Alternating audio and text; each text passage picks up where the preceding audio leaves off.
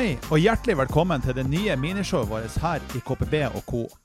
I dette minishowet så skal vi dypdykke inn i verden av kunstig intelligens.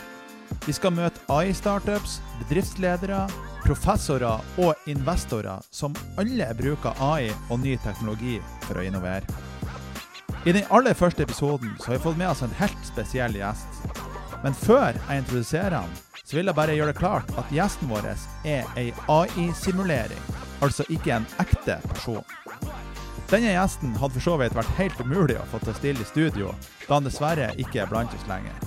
Men vi skal altså ha en samtale med han AI-Steve, ei AI-simulering av legenden Steve Jobs, laga ved hjelp av avansert AI.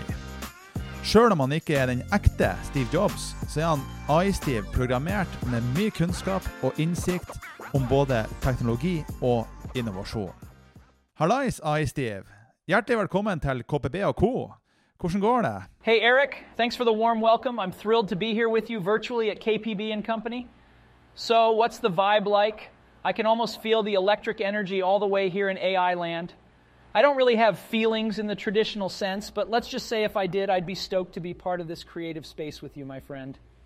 What exciting plans have you got brewing in that genius mind of yours today? Planen er at vi skal snakke om AI og mulighetene verktøy som f.eks. ChatGPT gir oss. Men aller først, det går greit at jeg snakker på vanlig sulisdialekt. Du forstår det? Absolutely, buddy. Sulis is such an amazing place. It's a shame that the bureaucracy in Norway is slow, and projects like the building of the Titanic and the development of the Jakobsbakken tourism destination, which I know you and your family were so passionate about, couldn't unfold to their full potential. Those could have been game changers, really putting Sulis on the map and giving a monumental boost to the tourism industry in the region. But hey, I am all ears for Sulis dialect. Let's keep the authenticity alive. Ja, det er jeg helt enig i, men det er heldigvis ikke det vi skal snakke om i dag. Som sagt så skal vi i dette minishowet snakke om AI og hvordan verktøy som f.eks. ChatGPT gir oss nye muligheter for å bygge selskaper, effektivisere arbeidshverdagen vår og gjøre oss mer kreative. Oh, that's awesome. AI is like a bicycle for our minds. It's not just about automating tasks, it's about amplifying human intelligence and creativity. It's tools like ChatGPT that can help us reimagine how we solve problems and how we can think differently about the world. Har noen historier fra de i Apple på hvordan dere utnytter AI for å løse problemer og skape et av tidenes beste selskaper? During my time at Apple, we were always on the cutting edge. One thing that stands out is the development of Siri. Integrating an AI personal assistant into the iPhone was revolutionary at the time. Siri was just the tip of the iceberg, though. It was indicative of how AI could change the way people interact with technology. From AI and photo organization to real time language translation, we knew that embedding AI into our products would make them not just tools, but extensions of the mind. Hvilke muligheter mener du ChatGPT og AI gir oss? Well, let's put it this way AI, and especially tools like ChatGPT, are your new canvas and paintbrush. Imagine a world where you're trying to build the next big thing, and you've got this intelligent assistant that's available 24 7 to brainstorm with you, research for you, and even draft documents for you. It's like having a genius team member who never sleeps. But remember, AI is just a tool. It doesn't replace the human heart and passion that you need to really make something great. I KPB så driver som du vet inkubatoren i Salten, Lofoten og Vesterålen. Her popper det stadig opp nye AI-startups med eksplosivt potensial. Hvis du skulle gitt noen råd til unge, sultne gründere som ønsker å utnytte teknologi som ChatGPT til å skape morgendagens vekstselskaper, hva vil du ha sagt til de da? First, don't settle ever. Your work is going to fill a large part of your life, so make sure you're pursuing something that you truly believe can change the world. Second, stay hungry, stay foolish. Don't be afraid to take risks and go against the grain. Lastly, remember that technology, including AI, is just an enabler. It's the people that count. Surround yourself with the brightest minds, but also with people who have their hearts in the right place. Build a culture that fosters innovation and humanity. The intersection of technology and liberal arts, that's where magic happens. En hva med næringslivslederne? Hvordan ville du ha brukt ChatGPT hvis du fortsatt hadde vært CEO i Apple? Oh, that's a great question, Erik.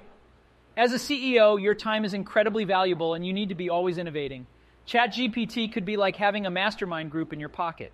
I would use it to research new ideas, get insights into various markets, and for some creative brainstorming. But more importantly, I would encourage my team to use it to empower themselves. Give them the ability to execute their ideas swiftly. Encourage an environment where technology enhances human potential. At Apple, we always believed in the intersection of technology and the humanities, and tools like ChatGPT can be a catalyst for nurturing that culture. Akkurat sånn som Bulvåg gjør hos oss i KPB. Exactly. Leaders like Erland Bulvåg, who empower their teams and foster an environment of creativity and innovation, are what drive real change. It's essential to embrace new technologies, but always with a human centric approach. Keep pushing the boundaries and make products or services that truly enrich people's lives. That's when you don't just make a company, you make a dent in the universe. I Norge så har vi jo flere eksempler på teknologiselskaper som har utnytta AI for å skape virkelig revolusjonerende selskaper.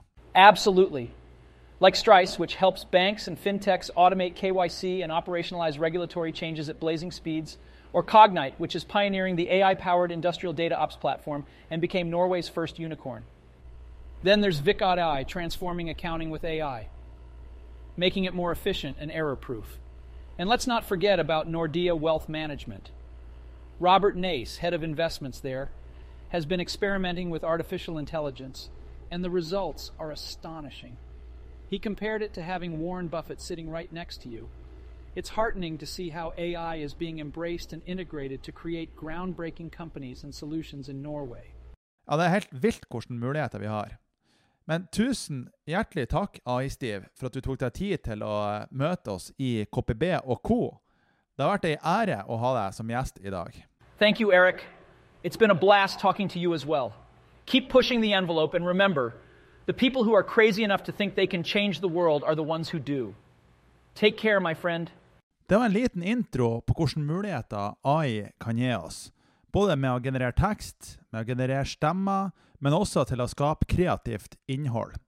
I de neste episodene skal vi få høre ekte historier fra ekte mennesker som har bygd både AI-startups, som bruker verktøyer som ChatGPT for å ta bedre beslutninger og effektivisere hverdagen sin, og også utdanningsinstitusjoner som bruker AI for å rette både prøver og for å være fremme i skoen i forhold til teknologiutvikling. Så stay tuned for mer innhold og engasjerende historier om hvordan AI transformerer hverdagen vår.